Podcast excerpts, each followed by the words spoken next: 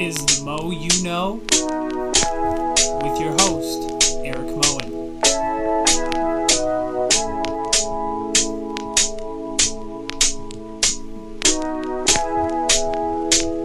And if you don't know, now you know.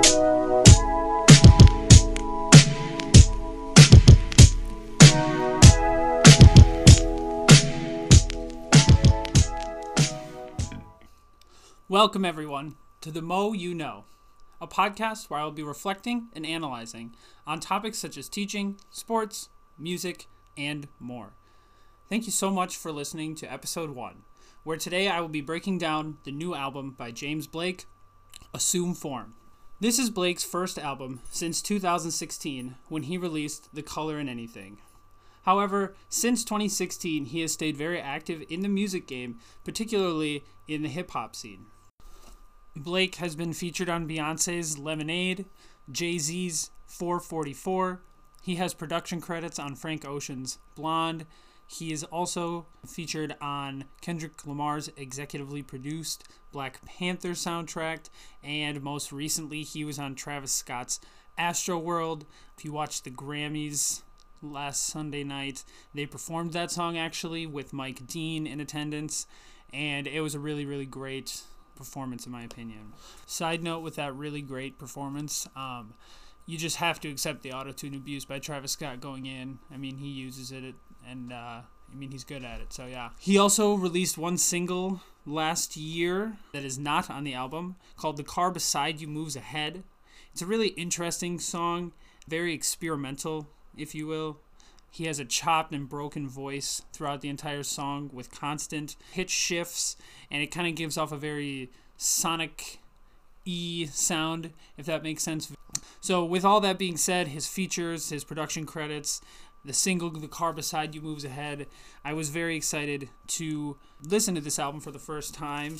And I was actually on my way to New York City uh, when it came out. So I got a lot of time to listen to it on the airport, in the plane, stuff like that.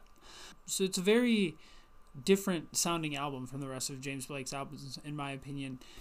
Previously, on his first three albums, you really hear more dark, sad sound, very in his head, lost in his thoughts. And instead of being stuck in his own head in this album, he seems to be reaching out and kind of opening up to people and kind of expressing love, which is something he's never really done before on any of his previous albums.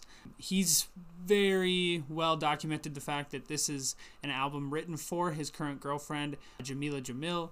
She is a an actress on the TV show The Good Place. In addition to the theme of love on this album and being in love with somebody, he also addresses mental health, which has been a big theme within the music industry, I'd say, probably for the past two or three years or so. So, going forward, I'm going to highlight four singles that I found very interesting and somewhat dove into. And then I will give you my final say, and that will be the podcast. So, uh, one thing, again, kind of talking about the overall theme of the album, I have a quote from Blake uh, that kind of better expresses what point I've been trying to drive home here about the theme of the album. Quote, in terms of becoming more open, I guess I had help just by meeting someone who was much more open than I was and much more confident. It helped me rise to the plate. So, Jamila Jamil, obviously, again, having this huge influence on Blake, uh, allowing him to feel confident and express himself for what sounds like the first time in a long time. So, he released his first single back in 2018. It is called Don't Miss It. And Don't Miss It is an interesting song. It doesn't sound like the rest of the album. He wrote this song, I think, a lot earlier than the majority of the rest of the album because it sounds like what I was referencing before when I talked about typical James Blake sounding music. Uh, it was sad and it was very tender. There was a piano ballad in it. It sounds very emotional. It sounds like again like that typical sad boy music, that mopey sound, if you will, that artists have. And he he broke social media actually with this single coming out, um, saying that he'd struggled with suicidal thoughts. A quote from Blake: "I can't help but notice as I do whenever I talk about my feelings in a song, that the words, quote, sad boy are used to describe it. And I've always found that expression unhealthy and problematic when used to describe men just openly talking about their feelings. We are already in an epidemic of male depression and suicide. Please don't allow people who fear their own feelings to ever subliminally subliminally, excuse me, shame you out of getting anything off your chest or identifying with music that helps you. He continued, rallying against the disastrous historical stigmatization of men expressing themselves emotionally. So here you can see that Blake uh, is expressing emotion, thoughts of depression, suicide, and I really like the fact that he took the time to address that stigmatization that's been going on in this country because it is really important.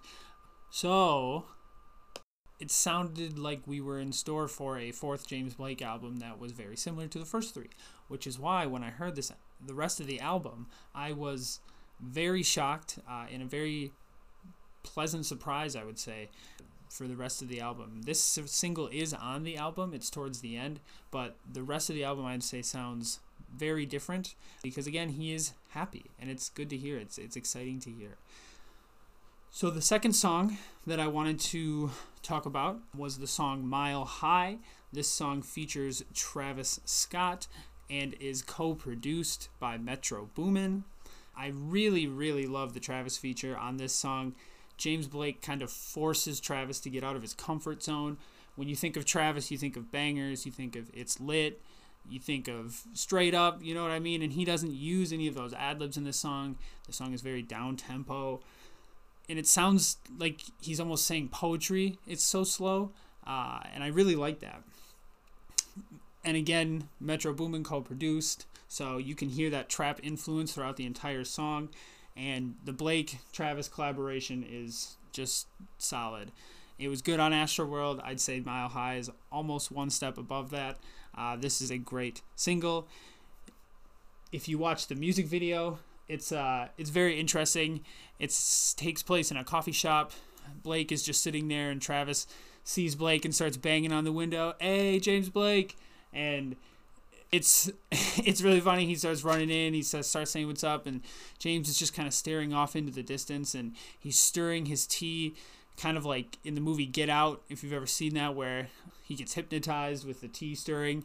James Blake kind of falls into this underworld, trippy underworld, where they him and Travis stay the rest of the video. It's kind of this just dark abyss, uh, and it's a really nice video for a great song. And of course, Mile High, its song title is referencing being in the Mile High Club.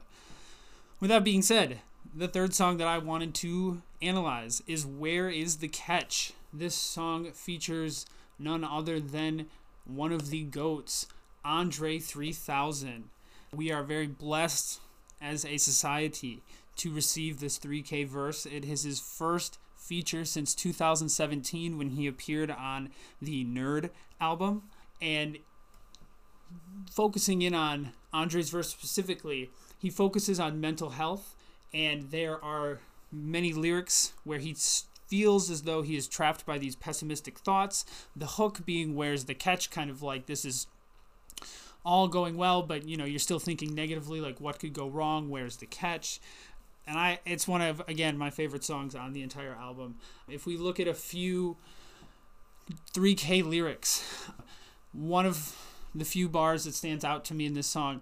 Exorcism pessimism has arisen. There's no reason really. Treason to myself so silly. So perfect, so perfect. So why do I look for the curtains? Even for someone as wealthy and successful as Andre, people can still latch on to insecurities, and depression can still hit anybody. In this case, Andre is feeling that guilt, feeling that shame in a life so quote unquote perfect. He still feels depressed and like he is a betrayal to himself. Another few bars, uncertain, but certainly false alarms alertin', a burden in beautiful times, a garden snake. Won't bite me, but frightens me like I know I'm eight. I know I ain't. I know it a. Harmony, harmony, how many, how many days of amazing will it be before it phases? Again, kind of reflecting on how things may not be what they appear And again, where's the catch? Where's the catch? There must be a catch. The hook, right? Struggling with the life that everyone wants, right? The life of a quote unquote rock star. So, a really great song, um, kind of a moment where Blake focuses on mental health. Andre goes in with an amazing verse, amazing flow, a great message, and just a really great song again on what I would consider a very quality album. The fourth and final song that I wanted to talk about is Power On. I really love the production on this song. It's very layered, um, and there's a lot going on. It's a, it's your classic love song where Blake is pouring his heart out to Jamil in this song. He talks about being in a relationship and being with somebody who gets something wrong. And there's a quote where he says, If you can swallow your ego a little bit and accept that you aren't always to know everything and that this person can actually teach you a lot, the better it is for everyone. Once I've taken accountability, it's time to power on. That's the only way I can be worthy of somebody's love, affection, and time, says Blake. So, just another really great song solo effort by Blake. No features, no additional producers, um, and I I'd say that's another standout in the album for me. My final say is on a zero to ten rating. I would give this album a nine out of ten. Overall, the theme is great. It's a very new sound by Blake. It's something that I totally wasn't expecting, and it's something that I've had on repeat for the past three and a half weeks or so. Thank you so much for listening to the Mo You Know, episode one. If you have thoughts or comments on this episode, please get in contact with me. I would love to talk more with you about this album. Um, yeah, thank you so much, everyone. Have a great day.